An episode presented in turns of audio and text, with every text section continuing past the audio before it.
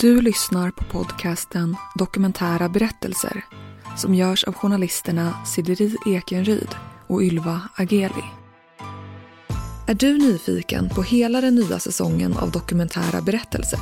Då kan du gå in redan nu på Podplay, helt gratis, och lyssna på alla tio avsnitt av säsong 5. I den här säsongen så kommer du få höra flera olika livsöden. Det handlar bland annat om hur det är att leva med sexmissbruk, mormonerna, schizofreni och sömnparalys. Men det handlar också om ufon och om vårt medvetande överlever döden. Och såklart mycket, mycket mer. Gå in på Podplay och lyssna på hela säsongen redan idag. Helt gratis.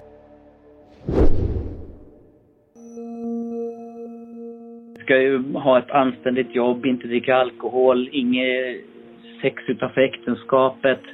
Eh, det, är ganska, det är ganska mycket sådana så här allmänna, uppför dig och var artig och ja.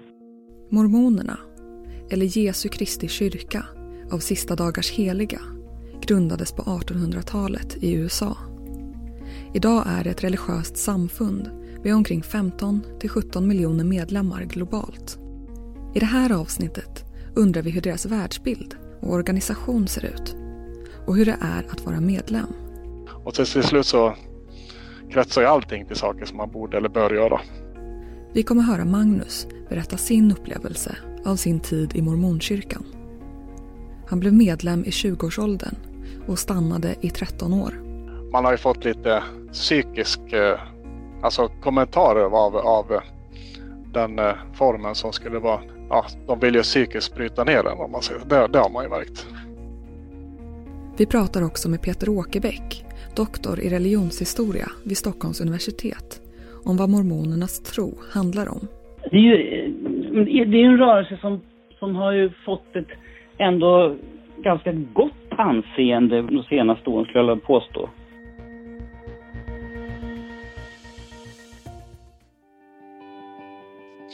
Ja, för mig var det ju eh, som det är för många andra tror jag att det är ju de som söker upp dig. När han är 22 år gammal är Magnus student vid Högskolan i Falun. En dag möter han två personer som bjuder hem sig själva till honom för att undervisa om kristendomen. Det var ett eh, lätt eftertraktat byte, kanske inte lätt men ett eftertraktat byte när man inte har format sitt liv än. Då har man ju mer intressant för dem då. Det är en överdriven trevlighet. Det finns inget kanske negativt med det men det är ju ofta i form av att de ger någonting till dig och då till exempel ett mormonsbok. då. Och på så vis så vill de att man ska känna en skyldighet tillbaka då. Att man ska ta emot dem i sitt hem, att de ska kunna börja undervisa då. Så att de, de vet om att det är ett givande och, och tagande då. Att, eh, ja, ska ni inte komma med till kyrkan då? Okej, okay, ni har gjort det här för mig så då kommer jag väl med då. Och de vet ju, har man väl satt sin fot i kyrkan så kommer ju ännu fler och ännu mer lovebombing och att man på så vis ja, kommer in i rörelsen på ett lättare sätt när man har haft fysisk kontakt och kommit till deras kyrka. Jag försöker ju vara neutral, jag försöker beskriva de här så bra jag kan. Jag, försöker, jag är intresserad av hur de, hur de funkar och vad som inte funkar. I det här avsnittet kommer vi höra Peter Åkerbäck, doktor i religionshistoria vid Stockholms universitet och forskare och sociolog. Så här beskriver han sin roll när han tittar på olika religiösa rörelser. Det är ju så att det här är en, en sån tradition som vi, som man som forskare fostras till att göra. Det skulle ju vara hemskt om forskare började beskriva religiösa grupper. Vi, vi ska ju vara metodologiskt agnostiker som det heter. Vi ska liksom se utifrån och titta på vad de gör och inte lägga in våra egna värderingar. Så de personer som Magnus mötte på gatan, vad är det egentligen de tror på? Alltså Jesu Kristi kyrka då, Sista dagars heliga, eller som de kallas mormonerna, var ju grundades då i, i början av 1800-talet i USA. Och eh, av en, en, eh, en som upptäckte, kan man säga, en fortsättning på kristendomen. Dels upptäckte han eh, tavlor som fanns, guldtavlor som han fick transkribera och alltså översätta till vanligt språk. Och det blev, kan man säga då, eh, det som heter Mormons bok. Och det är en slags fortsättning på kristendomen. Så att man kan säga att mormonkyrkan eller Jesu Kristi kyrka tar, tar vid där Jesus dog eller, eller så att säga där, där och ska skapa en slags fortsättning. Deras tro handlar om att Jesus överlevde och gifte sig, skaffade barn och fortsatte predika. Han ska, Jesus ska komma tillbaka så, så såklart. Det blir en sån, en sån tanke som finns i all kristendom. Men det finns också ett, en, en tanke om att varje människa kommer till ett slags eget paradis efter döden. Eh, därför anses det till exempel viktigt inom kyrkan att man, man gifter eh, även släktingar tillbaka. Man gör släktforskning och så gifter man ihop de här in till himmelriket då så att säga. Så att det, det är ganska, ganska fullt av, av eh, idéer kring, kring framförallt hur, hur, vad som händer efter döden. För Magnus började vardagen snabbt präglas av många måsten och borden. Allting ska ju vara eh, en god, ett gott ansikte utåt för kyrkan då. För att man, det, de tänker ju att det enda standardverk de ser, det kanske är du i form av jag då. Det är så de resonerar, att man alltid ska ha ett gott exempel för kyrkan utåt. Då. Och att det är det yttersta syftet för ens hela existens då, då kan man säga. Och det är ju att man ska bli en egen gud. Det är det som hela mormonkyrkan går ut på. Att du, du ska kunna bli en egen gud, precis som Gud har blivit en gud. De skiljer inte på det gudomliga och det mänskliga som, en, eh, som kristna rörelser gör. Då. Och då är det ganska ouppnåeliga krav man ska nå upp till. Då. Ska ju ha ett anständigt jobb, inte dricka alkohol, inget sex utanför äktenskapet. Eh, det, är ganska, det är ganska mycket sådana så här allmänna, uppför dig och var artig och ja. Det handlar bland annat om att läsa skrifterna varje dag, be varje dag och besöka familjer. Får man kanske fem för familjer som man ska besöka en gång i månaden minst då. Som man ska hjälpa med det praktiska men även andligt då. Att man då ska kunna eh, berätta till biskopen då att den här, problem, den här familjen kanske har problem med någonting då. Det är li, lite spioneri kan man kalla det för. Det hade jag skrattat åt när jag själv var medlem att, att vi var anklagade för spioneriverksamhet. Men så här, i efterhand då så kan man ju förstå att det var ju faktiskt mycket av det som det gick ut på då. Men det finns jättemånga saker. Du ska gå på med kostym till kyrkan till exempel. Det finns många saker som du förväntas göra. Annars blir du tillrättavisad av, av biskopen. En annan del av medlemskapet handlar om att gå mission. Men även att man ska vara en aktiv medlemsmissionär då. Att följa med missionärerna och värva nya medlemmar på arbetsplats eller skola och vad det nu kan vara. Man har den pressen på sig hela tiden. Men i synnerhet unga män har ju pressen att man ska gå på heltidsmission när man fyller, ja det är 18 nu, det var 19 då. Eh, unga kvinnor ska ju, har ju istället som högsta uppgift att, att skaffa familjer och föda barn helt enkelt. För att nya andebarn ska få kroppar då, som de tänker. Eh, Medan unga män har ju först och främst eh, en uppgift att gå på heltidsmission då. Och det kan vara överallt i hela världen. De, de är ju alltid, och det, det präntar man ju in i de ganska unga medlemmarna också. Det, det kanske om man träffar dem på stan, de är ju oftast, de gör ett missionsår. Förut var det bara de unga männen som gjorde missionsår, men nu de senaste åren så har de unga kvinnorna i rörelsen också gjort missionsår. Så man kan träffa på två unga, unga, unga damer som kommer och frågar om man vill prata om Bibeln eh, eller något och, och försöka erbjuda. Och oftast, det roliga är att i Sverige så är det många amerikaner just med, med svenskt med svenska namn och det är inte fusk utan de kommer ju då från svenskbygder där eh, i Utah där det har etablerats mycket svenska ättlingar. Och då vill man gärna tillbaka till Sverige för att se lite om vi gör sin mission här. Magnus åker till södra Sverige på sin mission.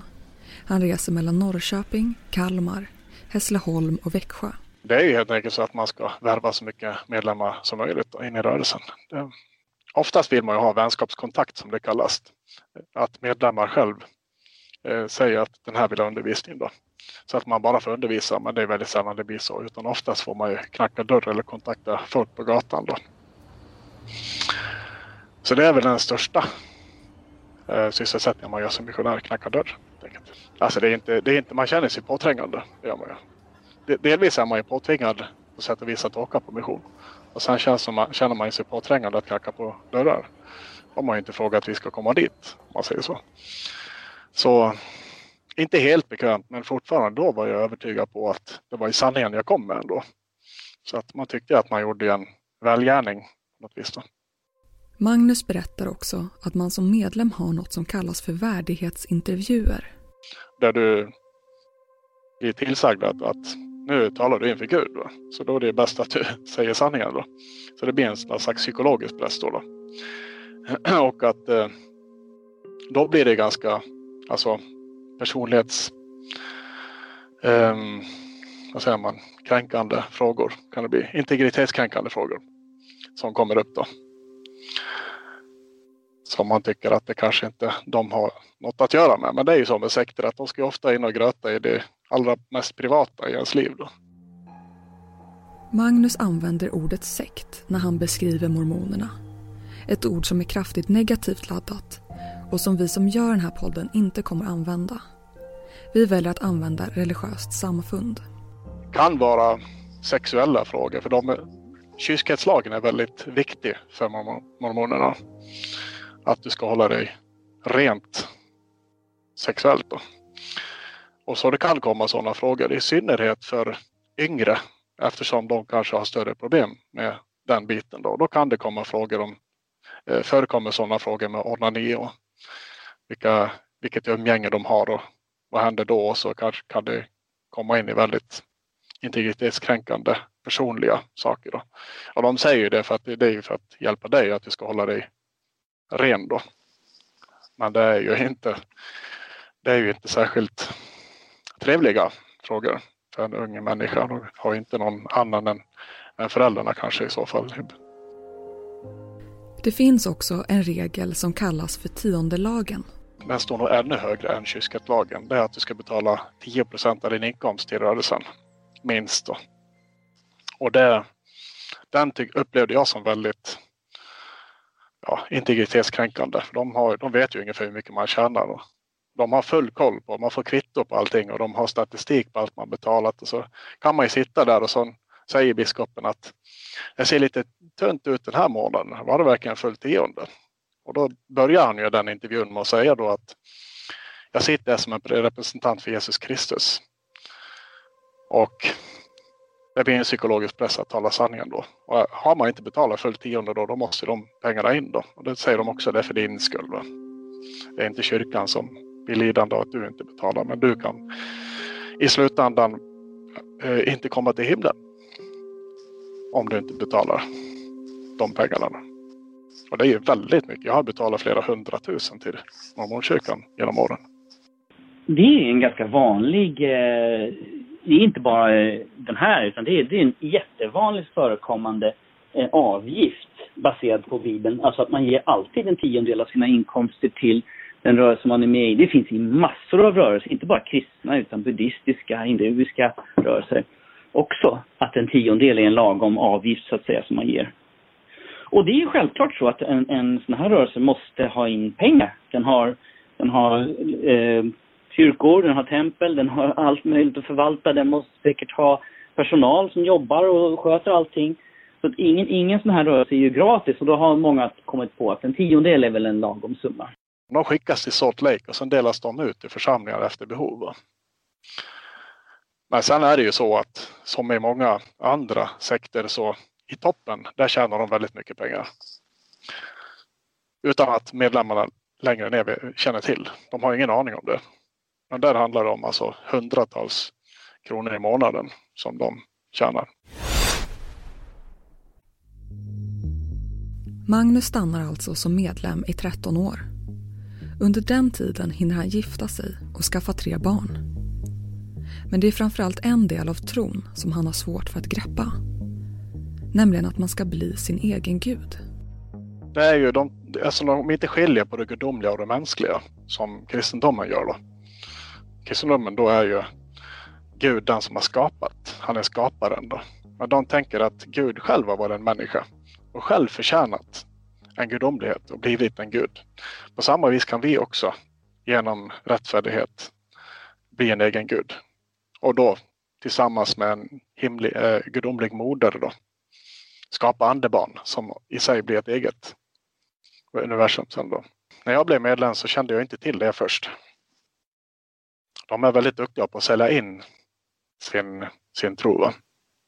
Så, men jag trodde ju sen, det kan jag säga, att jag, jag trodde 100 procent att kyrkan var sann. I alla fall om man trodde att jag trodde. Jag vet inte, eh, det dök upp lite tvivel under tiden också men man är ganska snabb att kasta det. Det blev obekvämt då när man ville att det skulle vara sant så att man kastar väl det bort från sig just för stunden i alla fall. Och sen gnagde det där mer och mer då. När man upptäckte saker som man tyckte att det kan det verkligen vara så här om det är den enda sanna kyrkan och så vidare. De talar också om eviga familjer. De, betonar det mer nu för de vet att det säljer in mer då. Att man ska vara med sin familj för evigt då. Och eh, jag tyckte det var rätt lite konstigt. Om jag ska bli en, en egen gud över ett eget universum då ska ju min son också bli en egen gud över ett eget universum. Och då är vi ju inte en evig familj, då är vi inte på samma ställe. Det var en sak som jag tycker ingen kunde svara på. Utan det är ungefär som att då blir man eh, ifrågasatt som att har du, har du inte tillräckligt med tro? Eller vad har det med ditt vittnesbörd att göra och så vidare. De går mycket på känsla. Va? Det finns ju ingen fakta som stöder deras rörelse. Utan precis tvärtom. Utan det är snarare att de tycker att man ska gå på känsla jag känner att det här är sant och då måste det vara sant. Det, det är ju så att alla sådana här... Peter Åkerbäck, doktor i religionshistoria vid Stockholms universitet. De brukar ha hittat förklaringar till det på något sätt, hur det här fungerar. Men det är, det är en väldigt komplex eh, teologi. Jag kan förstå att hittar man luckorna i den, då börjar man tveka. Det är ju det som man, man får försöka som troende att kanske inte göra. Men det finns så är det alltid i all teologi, eh, att det finns så att säga svårigheter. Eh, att det finns kanske ett himmel och helvete och sådana saker. Det är också sånt som är svårt att kanske få ihop om man börjar ifrågasätta för mycket och, och ja, vad som händer efter döden. Därför är det ju bättre att klara sig, alltså de religioner som, som säger att vi vet inte så mycket vad som händer efter döden kanske har en större chans att, att behålla sina medlemmar. I 35-årsåldern har Magnus tagit sig så högt upp i samfundet att han är ledare för alla äldste i just den församlingen han tillhör. Ett ämbete som kallas prästadömets nycklar, den näst högsta kallelsen. Men samtidigt har han börjat tvivla och bestämmer sig för att börja undersöka vad som är sant och inte. Det var ju först en delvis förnekelseprocess där jag tyckte att jag, jag hittade något citat om det att om det är den enda sanningen så har de ingenting att dölja. Så att jag med det med den informationen så beslöt jag mig att jag tittar helt själv då, alltså privat och inte avslöjar för någon vad jag har hittat då. Förrän jag i så fall skulle veta till 100 procent att det inte var sant. Så jag sa ju ingenting till någon då. Det är ju så att man har ju tyst. Det är ju en enorm åsiktsförtryck i mormonkyrkan. Han börjar framförallt göra efterforskningar på grundaren till mormonkyrkan, Joseph Smith. Det stod om eh, Joseph Smith och vem han var. Att han hade suttit i fängelse, att han var en bedragare. Han hade månggifte. Det fick jag aldrig veta att han var en polygamist när jag var medlem i rörelsen. Han hade en fru och hon hette Emma. Men eh, det kommer fram att han hade minst 33 fruar. Va? 33 bekräftade kan säkert ännu mer. Va? Så polygamin var en väldigt viktig lära under 1800-talet i alla fall för mormonkyrkan. Då. Så det var många upptäckare och Mormons bok för den delen det är ju det ska ju vara Amerikas historia. Och det finns ju ma massor med saker som nämns i Mormons bok som vi idag vet fanns ju inte på amerikanska kontinenten överhuvudtaget. Det finns massor med geografiska platser som nämns och det finns ingenting bekräftat. Men Sarahemla ska vara en stor stad och det är ingenting som har hittats. Alltså, jämför det med Bibeln så har vi ju Jerusalem, Betlehem. Vi vet att de städerna har funnits och finns. Va? Men allting i Mormons bok är väldigt lätt motbevisat. Det fanns till exempel inte häst på amerikanska kontinenten. Och läser man Mormons bok så rider de runt med hästar. Då. Så det var han som upptäckte de här eh, så att säga, de här skrifterna då, de här efterlämnade sakerna som fanns av, av, där är också någonting som vi historiker kan bli lite tveksamma till, att det skulle finnas ett, ett, extra, ett, ett till testamente om Jesus begravt någonstans i Förenta Staterna. Det blir, ju väldigt svårt för en, en, en, en, historiker att acceptera, men det är det de trodde att det fanns där av olika skäl och så låg det bevarat där. Eh, och att Abraham på något sätt skulle ha hittat till Förenta Staterna är också en svår, svår sak att acceptera för en annan historiker. Men det finns en delar av det då. Och Smith, han, han eh, så att säga skrev ner det här testamentet och han fick en del anhängare och eh, var ledare för rörelsen. Han själv praktiserade månggift och skaffade sig många fruar. Men sen så blev han brutalt mördad, vilket man inom rörelsen ser som en del av martyrskap, att han blev mördad för sin tros skull. Det finns andra historiska berättelser som menar att det var inte riktigt, det var, var på grund av ett gräl som började med att han slog sönder tryckpress, alltså han förstörde tryckpressar och att det uppskattades inte av den där, där han befann sig och att det handlade snarare om det och att den här, den här tidningen då hade tryckt elaka saker om honom så att han, han tog, tog så att säga saken i egna händer. Men inom rörelsen så ses det som att han mördades för sin tro då. Det är ju så att även om det är lätt överbevisat så är det så att när man är så indoktrinerad så vill man ha bevis på bevis på bevis på bevis på bevis att det verkar inte vara sant. Va? För det, det är inte bekvämt om man har vikt sitt liv åt en rörelse, kastat ut hundratusentals eh, kronor i, i pengar då. Och eh, gjort en massa saker så det blir en sacrifice trap. Du har spenderat så mycket så du vill inte veta att det inte är sant. Under sommaren 2008 då är han helt medveten om att det han fått lära sig inte är sant. Det var några som kom hem till mig och skulle tala mig till rätta, alltså hjälpa mig trodde de då. Och då hade jag hittat väldigt, väldigt bra information på nätet som jag skulle visa dem istället. och de tittade ju på det. Ja, de var ju, de var likbleka i ansiktet och kom aldrig tillbaka. Och då varnade de ännu mer för mig när de märkte att jag hade verkligen information som skulle kunna skada, som de ser då, andra medlemmar. Då. Först då sa han till min fru att jag vet att det här är inte sant. Och då tyckte hon det är fel på mig då såklart. Det funkar ju så. Allt med mormonkyrkan är ju så att håller du inte med det som kyrkan säger då är det fel på dig då. Du måste ha syndat, eh, gjort någonting fel då. Och det är klart, det hade jag gjort. Jag hade ju kollat på nätet. Det fick man ju inte göra. men då sa jag det att ja, men, om det är den enda sanna kyrkan då skulle ju allting bekräfta det också. Så det tog ju några veckor tills jag fick få henne att titta åtminstone. Jag sa det, du får tycka och tänka och, och tro vad du vill. Men den här, det här jag kommer fram till och den här informationen har jag hittat på nätet. Du kan i alla fall titta, då vet du anledningen till varför jag inte kan tro på det här. Eh, och då till slut så tittade hon då. Och det var nog en enorm förnekelseprocess först från henne också. Jag behöver inte titta, jag vet redan att det är sant och så vidare. Kyrkan alltså. Men eh, sen gick det några veckor och då kunde hon faktiskt också. Jag hade hittat den allra bästa informationen man kunde hitta på nätet. Så det, det var ju liksom ingen snack om saken när man väl har tittat. Så då beslöt vi oss för, för att lämna då. Jag och min fru då. Och innan dess hade kyrkan försökt påverka min fru då. På olika sätt då. Jag vet ju inte allt om det. Men de ringde henne fast hon sa att de inte ville ha någon kontakt och så vidare höll de på att ringa varje vecka. Så, så till slut fick vi säga till på, på skarpen. Vi vill inte ha kontakt, någon av oss. Då. Så då, då skrev jag ett utträdelsebrev och lämnade i brevlådan på, i Borlänge då, i församlingen. Eh, och sen är det ju det efter. Det är klart att de först vill försöka påverka att man ska stanna kvar då.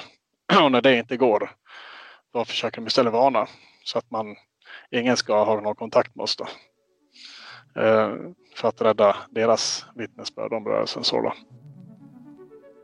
För Magnus tog det alltså 13 år att komma till nya insikter. Men hur kommer det sig att man från början lockas till att bli medlem i ett religiöst samfund på det här sättet?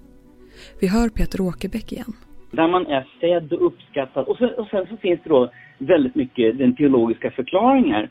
Eh, och när jag intervjuar ibland olika människor från olika sådana här rörelser så så frågar jag alltid varför till exempel man inte, varför inte Svenska kyrkan skulle kunna erbjuda ett sånt här alternativ. Och då tittar de på mig och säger men, men om man går till kyrkan så får man inte några direkta svar, det finns ingen tydlighet. Och det är ju, det är ju av kyrkans egen förklaring till att deras styrka är att man inte är så dogmatisk och teologisk utan medlemmarna får liksom tycka och tänka lite som de själva vill. Medan de här människorna som går in i de här grupperna vill ha ganska tydliga förklaringar, vill ha teologi, vill veta vad händer efter döden, vad händer när vi, hur ska vi bete oss och sådär. Eh, och en annan sak är att, att de har just det här, de är oftast, man, när man kommer in så får man en, en kod av hur man ska bete sig, man ska vara framgångsrik, man ska sköta sig, vara dux, bra klädd, man blir högt ansedd av samhället. Och det är någonting som tilltalar en, en viss del av, av eh, kristna människor, att, att se att man blir så att säga tycker att det här är viktigt att vara. Man vet hur man ska bete sig. Ute i det övriga samhället beter vi oss hur som helst. Här har vi koder för vad som är rätt och fel. Här har vi en tydlighet. Man vet vad en man är, man vet vad en kvinna är. Man, man alltså har tydliga ramar. Och det, det är för en del människor väldigt viktigt. Jag tyckte bara att sanningen var värd mer än vad de tyckte och vad, ja, vad de som vänner tyckte om mig. Så jag brydde mig inte så mycket. Sen är det ju så att jag är inte uppvuxen i mormorkyrkan. Jag blev medlem som vuxen. Så jag hade ju liksom en historia innan. Jag hade inte min fru. Hon var ju uppvuxen i kyrkan. Det är hennes mormor och morfar som hade grundat församlingen i, uppe i Luleå.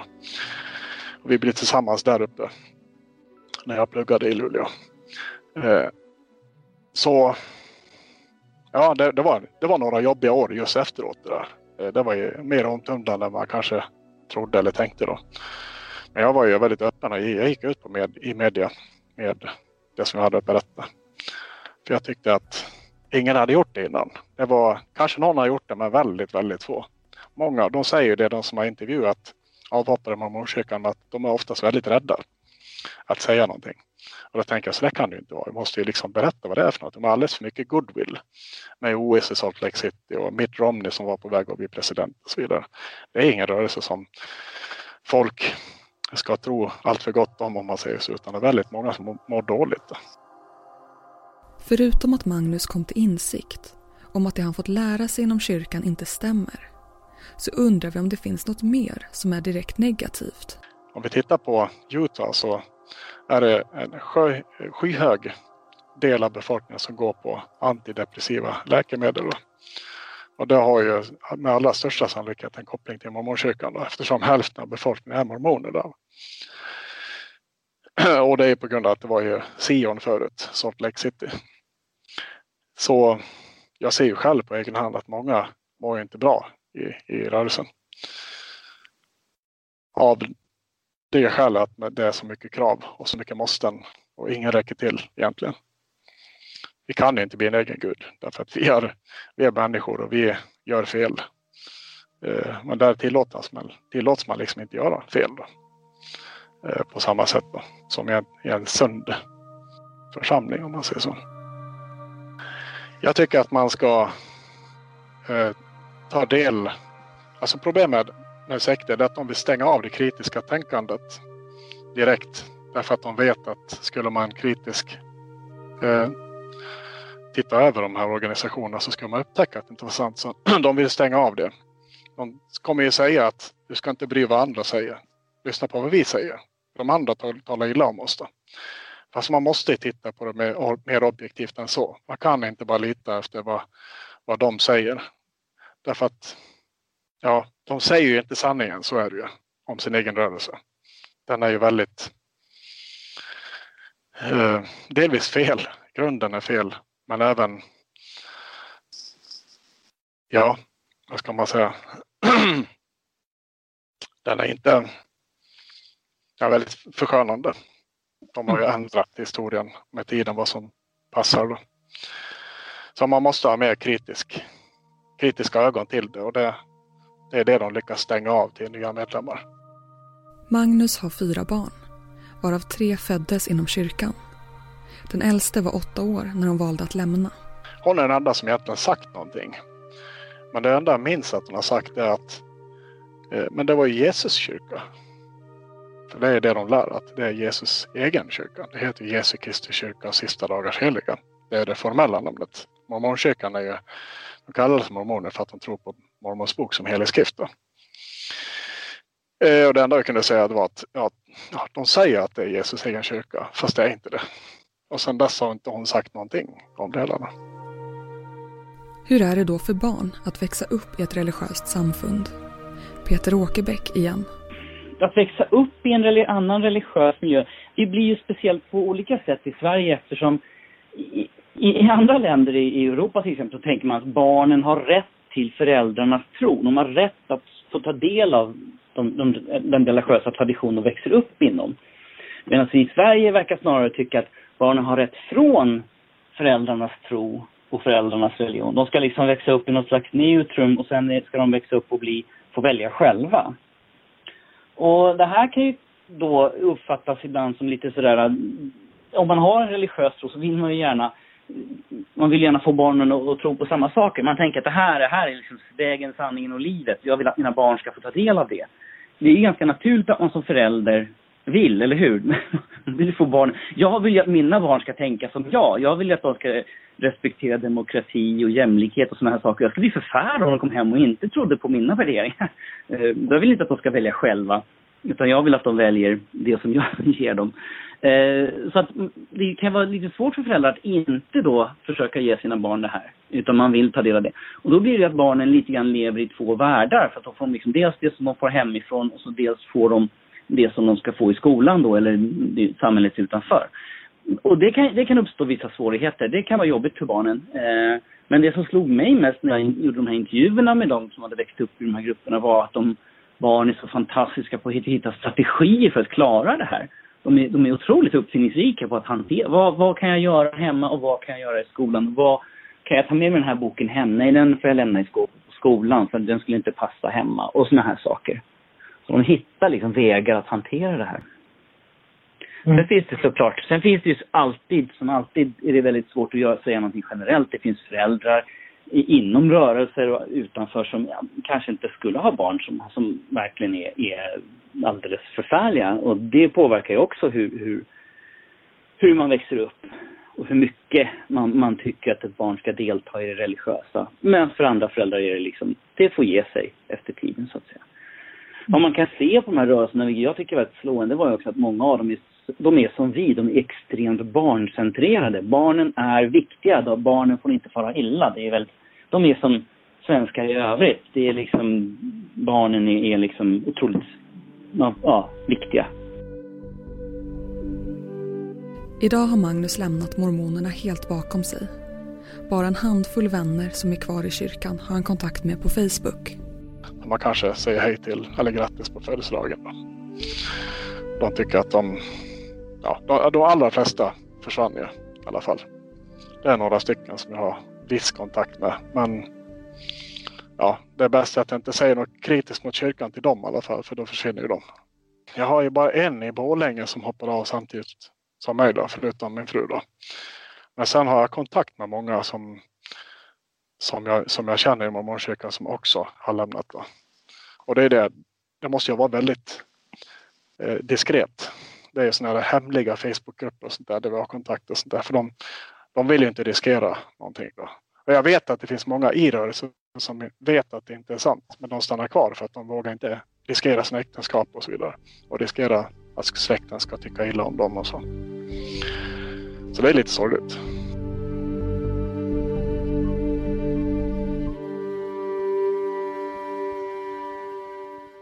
Du har lyssnat på avsnittet om mormonerna. Vill du komma i kontakt med oss som gör den här podden och kanske dela med dig av din livshistoria.